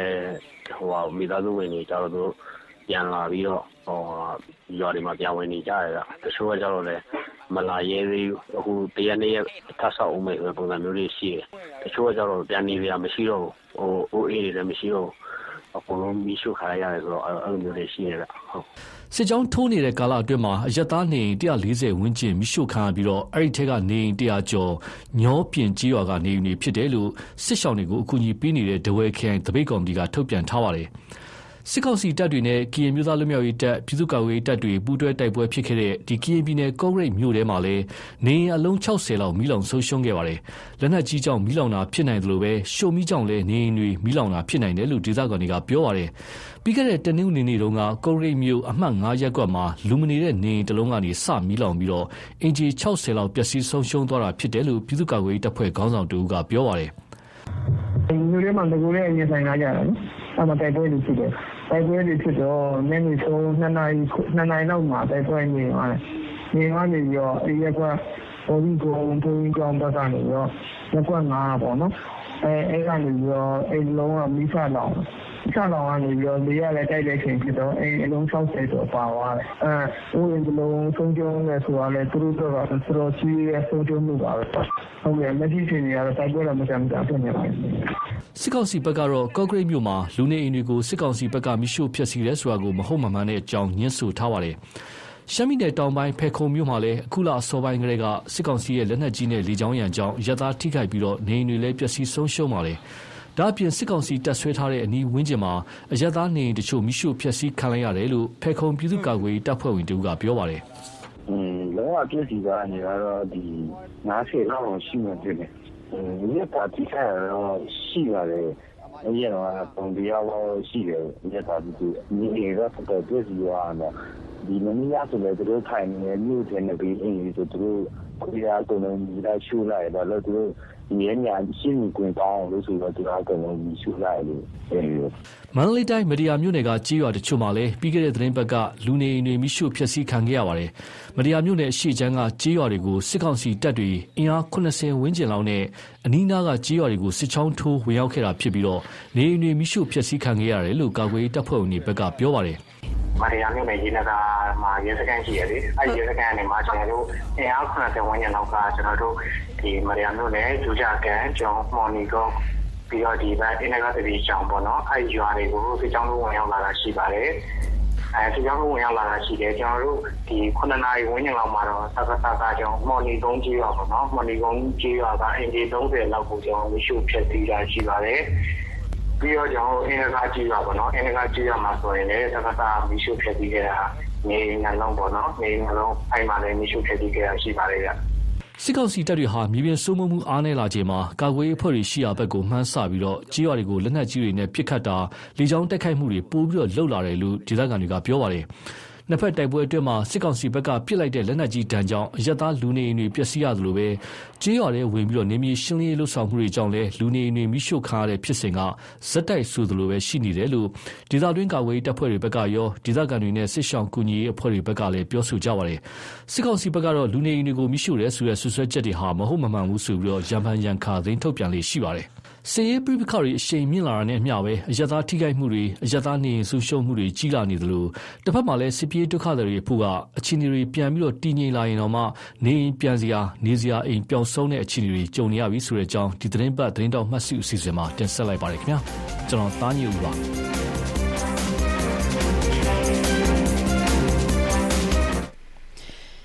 မြန်မာနိုင်ငံတဝန်းတိုက်ပွဲတွေကြောင့်နေဆက်ကုံသွေးရေးမှာအဟန့်အတားဖြစ်ကုံသွေးမှုပမာဏလည်းကျဆင်းသွားပါတယ်။ကုံသွေးရေးလမ်းကြောင်းလည်းပြောင်းသွားပြီးအခွန်ကောက်နဲ့တည်ယူပို့ဆောင်ရေးစရိတ်စကလည်းကြီးမြင့်သွားပါတယ်။ဒီသတင်းပတ်ရဲ့စီးပွားရေးအစီအစဉ်မှာရှင်။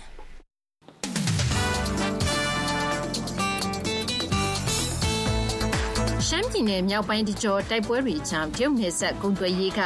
ရှမ်းပြည်အရှေ့ပိုင်းလမ်းကြောင်းကိုပြောင်းလဲသွားပါတယ်။ အရင်ကမူဆယ်နယ်စပ်ကုန်သွယ်ရေးလမ်းကြောင်းကအခုတော့ရှမ်းပြည်အရှေ့ပိုင်းကျိုင်းတုံမိုင်းလာလမ်းကြောင်းကနေကုန်သွယ်ရေးဖြစ်ထွန်းလာတယ်လို့တောင်သူတူက VOA ကိုပြောပါတယ်။အဲဒီစလမ်းကြောင်းကတော့သူတို့ကအဲကျိုင်းတုံမိုင်းလာလမ်းကိုတန်တုံးပြုကြတယ်။သူတို့ချသွားတယ်ဒီကတော့ဗောနော်အဲခါခါပြေးသွားတယ်။အဲဒီပြေးသွားတယ်။တခင်မူဆယ်လမ်းကြောင်းကကုန်သွယ်ရေးချက်ရှမ်းအရှေ့ပိုင်းကုန်သွယ်ရေးမှာ တည်ယူပို့ဆောင်ရေးစရိတ်စကပိုများလာသလိုအခွန်အကောက်ကလည်းရှိလာတာကြောင့်အရင်ပမာဏအတိုင်းကုန်သွယ်ရေးမလုပ်နိုင်ဘူးလို့လည်းစိုက်ပျိုးထုတ်လုပ်သူတွေနဲ့တည်ယူပို့ဆောင်ရေးလုပ်ငန်းရှင်တို့ကပြောပါတယ်။ဒါ့အပြင်မြန်မာစစ်ကောင်စီနဲ့ရှမ်းမြောက်ခြေစိုက်တိုင်းရင်းသားလက်နက်ကိုင်တပ်ဖွဲ့တွေကြားအပြစ်ခတ်ရက်စဲဖို့သဘောတူထားတယ်ဆိုပေမဲ့တိုက်ပွဲတွေကဆက်ပြီးတော့ဖြစ်နေကြဆဲဖြစ်ပါတယ်။ထိုင်းနဲ့မြန်မာကြားအဓိကကုန်သွယ်ရေးလမ်းကြောင်းဖြစ်တဲ့အာရှလမ်းမကြီးမှာလည်း လုံခြုံရေးကြောင့်ကုန်စည်သေးယူပို့ဆောင်ရေးအတွက်လက်တလောသုံးလို့မရဖြစ်နေတယ်လို့ထိုင်းခြေဆိုင်ကုန်စည်ပို့ဆောင်ရေးလုပ်ငန်းရှင်ဦးစောလတ်က VOA ကိုပြောပါတယ်။လမ်းကြောင်းတွေတင်ပို့ဆောင်ရေးကတော့အခုချိန်ကားတွေဒီအာရှအဲရဝတီရန်ကုန်အာရှလမ်းမကြီးပိတ်ထားတော့နည်းနည်းသွားလာတော့ခက်ခဲတယ်ဗျ။ပစ္စည်းပို့တာဒီမှာရက်တွေကြာတာပေါ့။ပစ္စည်းကတော့သွားလို့ရတယ်ဒါပေမဲ့ကားကတော့20ဦးအရင်တက်ကိုနှစ်ဆတော့ဖြစ်သွားတာပေါ့။ကျွန်တော်တို့ ဒီထောက်ကိုကိုလမ်းဟောင်းကနေဒီကားလေးတွေနဲ့ပို့နေရတာဆိုတော့လေလမ်းကြောင်းကတော့အဲ့ဒီကျွန်တော်တို့ဒီမဲဆောက်မြဝတီရနေပို့တဲ့လမ်းကတော့ဒီတလန်းနဲ့ရှိတာဆိုတော့အဲအာရှလမ်းမတော့သွားလို့မရဘူးဒီလမ်းဟောင်းကနေပြီးတော့ခက်ခက်ခက်ခဲတော့သွားနေကြရတာပေါ့ခက်တဲ့အာရှလမ်းမကြီးဖွင့်လုံးကတော့ဒီဘယ်လိုပြောမလဲကားကြီးတွေသွားတဲ့အတွက်ကိုပစ္စည်းတွေပို့ရတာလည်းပြန်တယ်ပြီးတော့ဒီကုန်ကြစရိတ်လည်း တက်တာတယ်ပေါ့အခုကကားလေးတွေဒီကားကြီး inspect ကားကြီးတွေသွားလို့မရဘူးဖြစ်တဲ့အတွက်ကိုကျွန်တော်တို့အန်စာလုံးကားတွေပြီးတော့ဒီ pro ပေါက်လို့ကားမျိုးလေးတွေနဲ့ပို့ရတာဆိုတော့ပစ္စည်းလည်းသိပ်ပြီးတော့တည်လို့မရဘူးပေါ့ပထမကားကြီးတွေနဲ့အထုပ်340တည်လို့ရမယ်ဟာအခုက15တုံးလောက်ဆိုရင်ကားလေးတွေကပြည့်ပြီဆိုတော့အဲ့လိုတစ်ခေါက်တည်းရမယ်ဟာနှစ်ခေါက်သုံးခေါက်တွေပြန်ခဲ့ရတဲ့အနေအထားမျိုးတွေတော့အဲ့လိုနည်းနည်းကြာတာပေါ့အာရှလမ်းမကြီးကိုအသုံးပြုနိုင်ရင်တော့ ကားကြီးတွေသုံးနိုင်တာကြောင့်ကုန်သွယ်ရေးကမြန်ဆန်ထိရောက်မှုရှိပေမဲ့အခုတော့လုံခြုံရေးအခြေအနေအရလမ်းဟောင်းကိုအသုံးပြုရတာကြောင့်ကုန်သွယ်ရေးနှိကွေးသွားတယ်လို့လည်းဦးစောလတ်က VOA ကိုပြောပါတယ်ပုံစီပို့ရတော့ဟုတ်ကဲ့တော်တော်လေးတော့ညော့သွားတယ်ညော့သွားတယ်ဆိုတာခုနပြောသလိုစားတော့ပုံတွေပါကြတော့ရဲအရင်ကြာတဲ့အခါကျတော့မပို့ကြတော့ဘူးလေအဲတခြားအထည်တို့ဘာလို့သုံးကုန်ပစ္စည်းတွေတော့နည်းနည်းပပပဲပို့တော့တယ် ပြီးတော့ဒီရေခဲစစ်တာတို့ဘာလို့အဲ့လိုမျိုးတွေပို့တဲ့အခါကျတော့လမ်းမှာအရန်ကြာတော့ပို့တဲ့လူတွေကလည်းစိတ်မပို့ကြတော့ဘူးနည်းနည်းတော်တော်တော့ပါကျွန်တော်တို့ထင်တာတော့လမ်းကြောင်းကြောင့်လည်းပါတယ်ပြီးတော့ကျွန်တော်ဒီကားစီသေးတွေလည်းတက်တာကြောင့်လည်းပါမယ်ထင်တာပါပဲကျွန်တော်တို့ဒီထိုင်းဘက်မှာတော့နည်းနည်းပုံမှန်လောက်ပါပဲဒါပေမဲ့မြန်မာပြည်ဘက်ချမ်းမှာကျတော့ကားကြီးနှစ်ဆဖြစ်သွားတာပေါ့ မြန်မာနိုင်ငံတွင်းကစိုက်ပျိုးထုတ်လုပ်သူတွေအနေနဲ့တော့ထိုင်းနိုင်ငံကိုတင်ပို့နိုင်ရေးအတွက်အရင်ကမြဝတီလမ်းကြောင်းနဲ့တာချီလိတ်လမ်းကြောင်းနှစ်ခုရှိခဲ့ရာကနေအခုတော့တာချီလိတ်လမ်းကြောင်းကိုသာအဓိကသုံးနေကြပါတယ်။ထောပတ်တီစိုက်ပျိုးထုတ်လုပ်တင်ပို့သူတဦးက VOA ကိုအခုလိုပြောပါတယ်ကျွန်တော်တို့ထုတ်သွားတဲ့ပတ်သက်ပြီးတော့ကုန်တယ်လမ်းကြောင်းရတယ်မပြောင်းဘူးပြ။ဒီနဲ့ပတ်သက်တဲ့ကုန်တယ်လမ်းကြောင်းကိုတောင်းသွားတယ်။ကျွန်တော်တို့ကခိုင်းကိုဒီကထားဖို့ဖြစ်တဲ့အတွက် ကျွန်တော်တို့အရင်လမ်းကြောင်းပဲကျွန်တော်တို့ပူလာဒါပေမဲ့တစ်ခုရှိတာကအရင်ကကတော့လမ်းကြောင်းတစ်ခုရှိတယ်။အဲပထမလမ်းကြောင်းကတော့မြောက်ပြည်လမ်းကြောင်းပဲ။ဟုတ်ကဲ့အဲဒီလမ်းကြောင်းမှာတော့တက်ပြီးလမ်းကြောင်းပဲအဲညောင်လမ်းကြောင်းကတော့ဒီကိစ္စကတိတ်သွားတယ်အချင်းလမ်းကြောင်းတော့ဆက်သွားနေတယ်ကျွန်တော်တို့ကပုံစံဖြစ်တဲ့ပုံမှာလမ်းကြောင်းပြောင်းသွားရင်ကျွန်တော်တို့ကအတူရောကြီးကျွန်တော်တို့ကြည့်ကြတဲ့လမ်းကြောင်းကိုပို့ရတယ်နော် ဟုတ်ကဲ့ဒီတစ်ခါပုံရတော့ဒီပုံရတော့ရက်လောက်ချာချာပဲနော်ဟုတ်ကဲ့တော့ကျွန်တော်တို့ကအခုဒီနေ့မှာတော့အချင်းလမ်းကြောင်းကိုပြတ်ထားပြီးတော့ပါတယ်။စစ်ရေးပဋိပက္ခတွေဆက်လက်ရှိနေပြီးလုံခြုံရေးဆိုင်ရာစိုးရိမ်ချက်တွေလည်းရှိနေတာနဲ့အတူပဲကုန်သွယ်ရေးလမ်းကြောင်းတွေပုံမှန်ပြန်ပြေးရေးအတွက်လည်းမှန်းဆရခက်နေပါတယ်။တည်ယူပို့ဆောင်ရေးလုပ်ငန်းရှင်ဦးစောလတ်က VOA ကိုအခုလိုပြောပါတယ်လုံခြုံရေးကတော့စိတ်ချရတဲ့အနေထားတော့မဟုတ်ပါဘူးဒီလိုပဲ အဲအချိန်လေးမကောင်းရင်ရက်နေကြရတာအချိန်လေးကောင်းရင်လည်းသွားကြရတာပေါ့ဒါခါလေးလည်းတိုက်ပွဲတန်ကြီးကြားရတဲ့အချိန်ကျတော့ကျွန်တော်လုပ်ငန်းတွေလည်းခဏရက်ထားရတာပေါ့အဲ့လိုထောက်ကူကူလန်လမ်းဟောင်းကကားကြီးတွေ expert ကားကြီးတွေတွားလို့အဆင်မပြေဘူးလမ်းလည်းမကောင်းဘူးလေအဲ့တော့လမ်းကြောင်လည်းပါတယ်ပြီးတော့ဒီကားကြီးတွေကဒီတိုက်ပွဲပညာဆိုရင်လည်းသူကလင်းလင်းမြင်မြင်တွားလို့မရတော့မတွားတော့တာထင်တာပါပဲကျွန်တော်တော့ အဲတော့လည်းနိုင်ငံကြီးကျတော့တိတ်တော့နားမလဲဘူး။ဟုတ်ဒါပေမဲ့အရင်လိုပုံမှန်ဖြစ်ဖို့ကလည်းတော်တော်တော့မလွယ်သေးဘူးထင်တာပါပဲခင်ဗျ။ရခိုင်ပြည်နယ်ဘက်မှာလည်းတိုက်ပွဲတွေပြင်းထန်နေတာကြောင့်ကုန်သွယ်ရေးမှာအဟန့်အတားဖြစ်နေပါတယ်။သယ်ယူပို့ဆောင်ရေးလုပ်ငန်းရှင်တွေအနေနဲ့လည်းလုံခြုံရေးကြောင့်လမ်းခရီးမှာအခက်အခဲဖြစ် ကြန့်ကြာတာမျိုးကြုံရသလိုပဲစက်သုံးဆီလိုသလောက်အလွယ်တကူဝယ်ယူမရတဲ့အခြေအနေမျိုးတွေလည်းရှိကြောင်း VOA ကိုပြောကြပါတယ်ရှင်။အပတ်စဉ်စီးပွားရေးအစီအစဉ်မှာရှင်အခုတော့လူမှုရှုခင်းအစီအစဉ်ကို ထုတ်လွှင့်မှာဖြစ်ပါတယ်။အမေရိကန်မှာရုံးတွေစေယုံစေကန်းတွေတွားရင်စကပြန်လိုသူတွေအနေနဲ့ဘာတွေသိထားသင့်ပါသလဲ။ ကျမ်းမာရေးဆိုင်ရာစကပြန်ဂျီနာကိုမဆွမြတ်မွန်ကမေးမြန်းပြီးလူမှုရှုခင်းအစီအစဉ်မှာတင်ပြထားပါတယ်ရှင်။အမေရိကန်ပြည်ထောင်စုမှာဒီအစိုးရရုံးတွေစေယုံစေကန်းတွေနဲ့ဆက်သွယ်စကားပြောရတဲ့အခါမှာဘာသာစကားအခက်အခဲရှိသူတွေအတွက်အခမဲ့ဘာသာပြန်ဝန်ဆောင်မှုကိုပေးပါတယ်။ကိုနဲ့အကျွမ်းဝင်တဲ့အသုံးနှုန်းတွေအတွက်ဒီမြန်မာအပါအဝင်ကျွမ်းကျင်တဲ့စကားပြန်တွေကဘာသာစကားမျိုးစုံနဲ့ဘာသာပြန်ပေးကြတာပါ။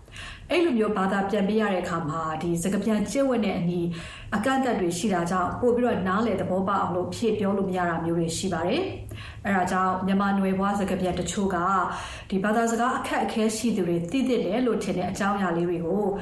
ဗီဒီယိုတိုလေးတွေလုပ်ပြီးတော့ American Burmese Interpreters Association ရဲ့ Facebook page မှာစပြီးတော့တင်ပေးနေပါတယ်။အဲဒါကြောင့်အဲ့ဒီ Brahita ဖွဲ့ကဒီကျမရေးဆိုင်ရာစကားပြန်တယောက်ဖြစ်တဲ့ဂျီနာကိုဒီဘာသာပြန်ရတဲ့အခါမှာဘယ်လိုမျိုးစိန်ခေါ်မှုတွေရှိသလဲဆိုတာကိုမေးကြည့်ထားပါတယ်။ကျမကတော့အခုဒီကျမ်းမာရေးဆိုင်ရာစကားပြန်လောက်သက်ပေါ့နော်12နှစ်ကျော်ရှိပါပြီ။အဲ့တော့ဒီ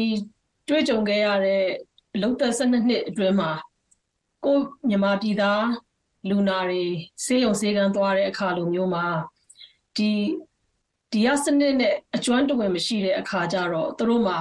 ခက်ခဲမှုလေးတွေကိုတွေ့ရတယ်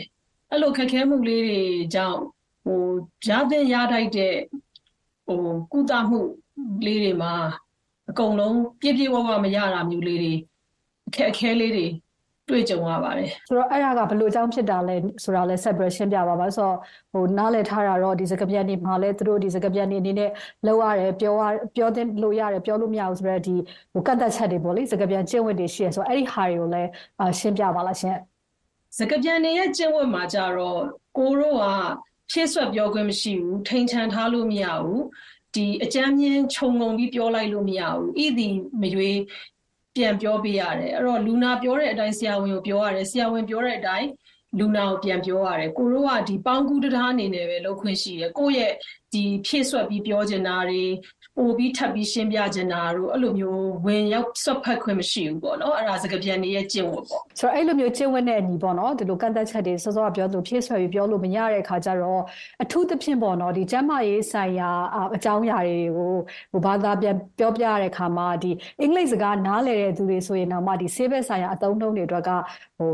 နားလည်ဖို့အခက်ခဲရှိရလေဆိုတော့ဟိုအင်္ဂလိပ်စကားအားနည်းတဲ့နားမလည်နိုင်တဲ့သူမျိုးတွေကိုဟိုတစ်ဖက်သူပေါ့နော်နားလည်အောင်ရှင်းပြတဲ့အခါမှာရောဘယ်လိုမျိုးအခက်ခဲတွေကြုံရတယ်ဆိုတာကိုရှင်းပြပါလားရှင်ဥပမာဒီဆေးတွေကိုဒီလိုဒီလိုတောက်လိုက်ဆိုရင်လူနာအနေနဲ့ကကိုယ့်ကိုပြန်မမေးဘူးဆိုတော့ပြန်မမေးရင်လူနာနားလည်လားနားမလည်လားမသိဘူးမသိပဲမသိပေမဲ့ကိုကဟိုနားမလည်ပြန်မေးပါဆိုတာမျိုးလောက်ကို hint ပေးတဲ့သဘောလောက်ပဲလုပ်လို့ရပါမယ်လူနာကဟုတ်ကဲ့ဆိုပြီးပြောလိုက်ပြီးပြီဆိုရင်ဒါပြီးသွားပြီအဲ့တော့သူတကယ်နားလည်လားနားမလည်လားကိုကိုမသိနိုင်ဘူး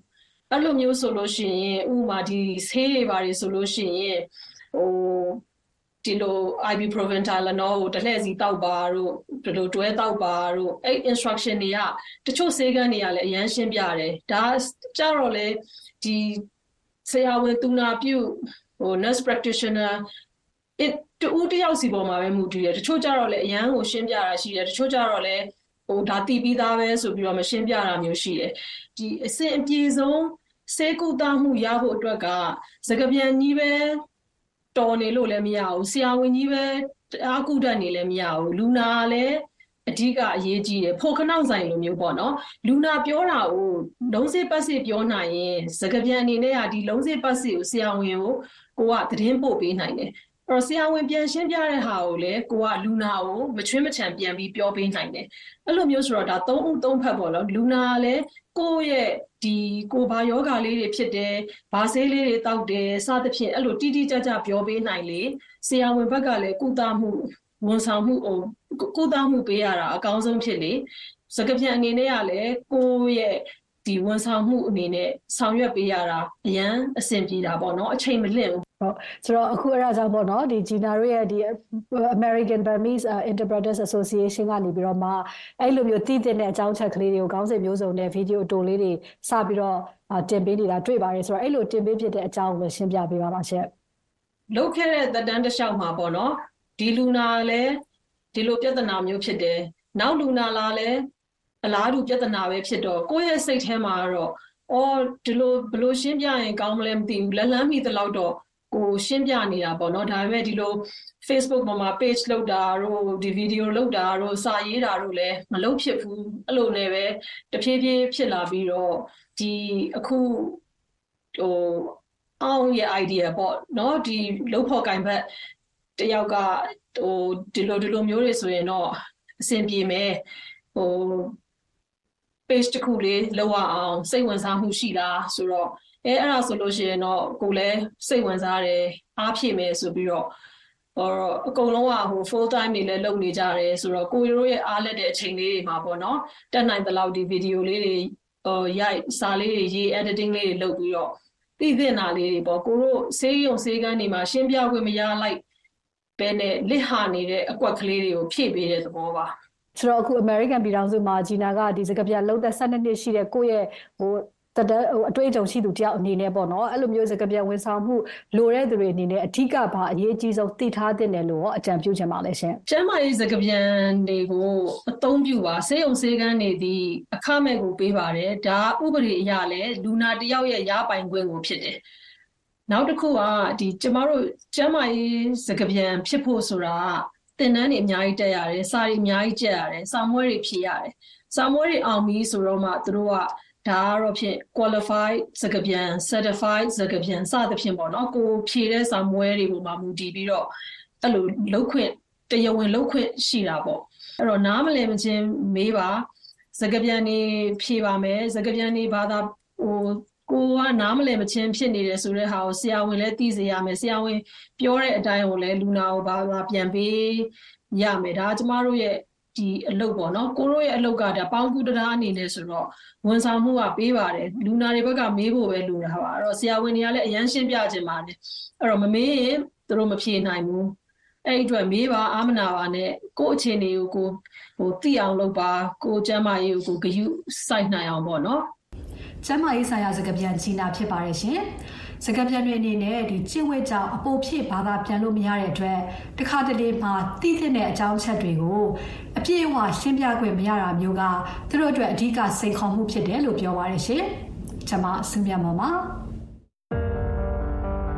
မသေးချာမြေယာမှုတွေအပြည့်အပြောင်းလဲတွေများတဲ့ကဘာကြီးမှာကျွန်တော်တို့ကြားသလိုမြင်သလိုဖြစ်မလာတဲ့အခါ အမှန်တရားကိုရှာဖွေကြရပါတယ်။တည်င်းကိုတစ်ပိုင်းတစ်စပဲကြားသိလိုက်ရရင်ယုံကြည်မှုတွေကိုလက်လွတ်လိုက်ရတာတွေရှိပါတယ်။အကြက်တဲကာလတွေမှာကျွန်တော်ရဲ့အိမ်မက်တွေမျောလင့်ချက်တွေပိုကောင်းတဲ့မနှက်ဖန်တွေကိုတောင်းတမိတာတွေကတည်င်းလွတ်လပ်ခွင့်အပေါ်မှာမူတည်နေပါတယ်။ကျွန်တော်တို့ VOA ကအန်ဒီရဲ့ဂျားကနေသတင်းတွေကိုတင်ဆက်ပေးနေပါတယ်။ ကဘာကြီးနဲ့ချိတ်ဆက်ပေးပြီးအမှန်တရားကိုဆောင်ကျင်းပေးနေပါတယ်။ VOA American အတန်ကသတင်းမှန်တွေကိုဗတ်ပေါင်းစုံကတင်ပြပေးနေပါတယ်ခင်ဗျာ။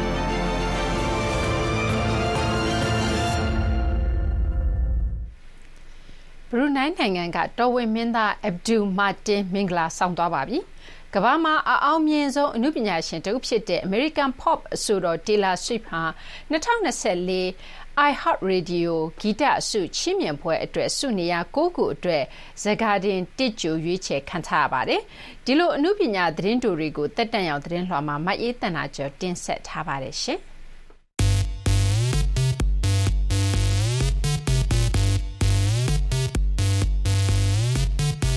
အာရှဒေသကတော်ဝင်မိသားစုတွေထဲမှာနာမည်အကြီးဆုံးလူသိအများဆုံးသူတွေကတအုပ်ဖြစ်တဲ့ဘရူနိုင်းနိုင်ငံကတော်ဝင်မင်းသားအဗ်ဒူမာတင်မင်္ဂလာဆောင်သွားခဲ့ပါတယ်။သူ့ရဲ့ဇနီးလောင်တဲ့ထိမ်းများလက်ထပ်ပွဲကို10ရက်ကြာကျင်းပတာဖြစ်ပါတယ်။အသက်32နှစ်အရွယ်တော်ဝင်မင်းသားမာတင်ကအာရှမှာအမျိုးသမီးတွေအတွက်စိတ်ကူးရင်စရာအကောင်းဆုံးအိမ်အောင်ဘက်တဦးဖြစ်တယ်လို့သတ်မှတ်ခံရတဲ့သူပါ။ သူလက်ထပ်လိုက်တဲ့ဇနီးကတော့ဘရူနိုင်းဆူတန်ဘရင်ရဲ့အထူးကြံပေးဖြစ်သူရဲ့မြေးမအနီရှာရော့ခ်နာအီဇာကာလီပိတ်ပါ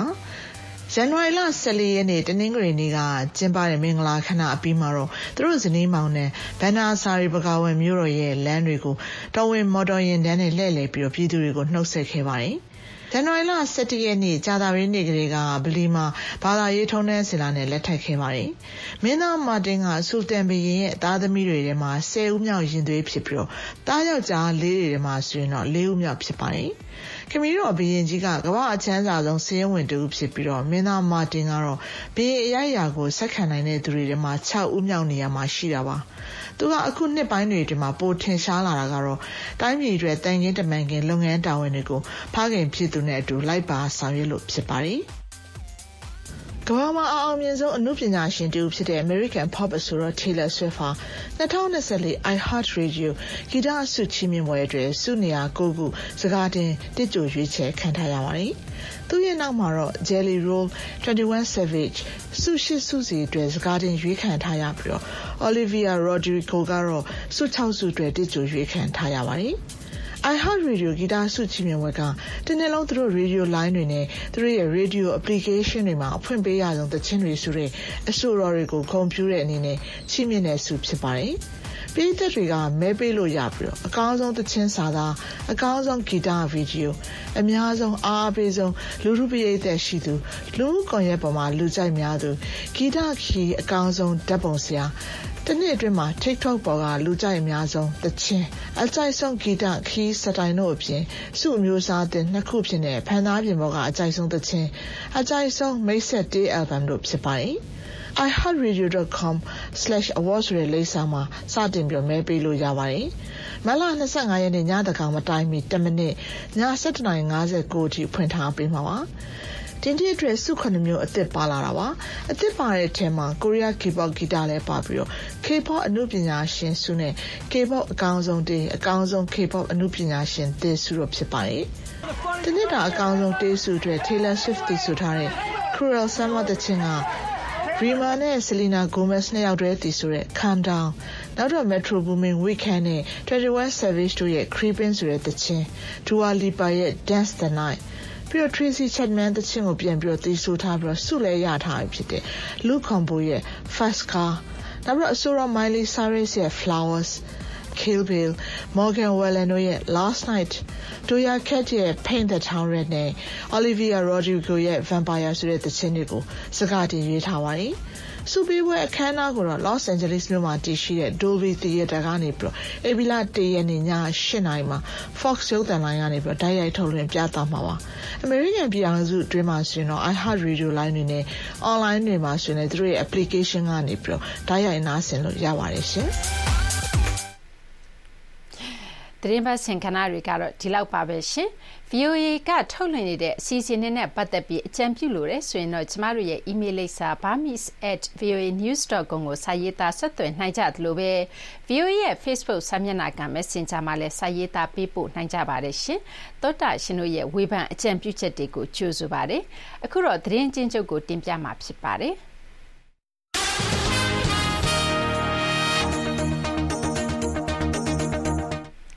ဂျော်ဒန်နိုင်ငံမှာ အမေရိကန်တပ်သား ၃ ယောက် ဒရုန်းယာဉ်နဲ့ တိုက်ခိုက်ခံရမှုကြောင့် သေဆုံးသွားခဲ့တာနဲ့ ပတ်သက်ပြီး အကျိုးဆက်ကြီးမားမယ့် တုံ့ပြန်မှုမျိုးနဲ့ တုံ့ပြန်ဖို့ အမေရိကန်က စီစဉ်နေတယ်လို့ သမ္မတ အိမ်ဖြူတော်က တနင်္လာနေ့မှာ ပြောဆိုလိုက်ပါတယ်။ဆီးရီးယားနယ်စပ်အနီး ဂျော်ဒန် အရှေ့မြောက်ပိုင်းက အမေရိကန်စစ်သားတွေ နေထိုင်ရာနေရာကို တိုက်ခိုက်ခဲ့တာမှာ စစ်သား ၃၄ ယောက်လည်း ဒဏ်ရာရရှိခဲ့ပါတယ်။ မြန်မာနိုင်ငံရဲ့ဒီမိုကရေစီဖြစ်စဉ်အပေါ်ထိခိုက်နိုင်ခြေအကျင့်ပျက်ခြစားမှုလူ့အခွင့်အရေးနဲ့အလုပ်သမားအခွင့်အရေးချိုးဖောက်မှုတွေအားပေးမိနိုင်ခြေကိုစီးပွားရေးလုပ်ငန်းတွေနဲ့လုပ်ငန်းရှင်တွေသတိပြုစဉ်းစားနိုင်မှုအတွက်နောက်ဆက်တွဲအကြံပြုစာလွှာကိုအမေရိကန်အစိုးရကတနင်္လာနေ့မှာထုတ်ပြန်လိုက်ပါတယ်။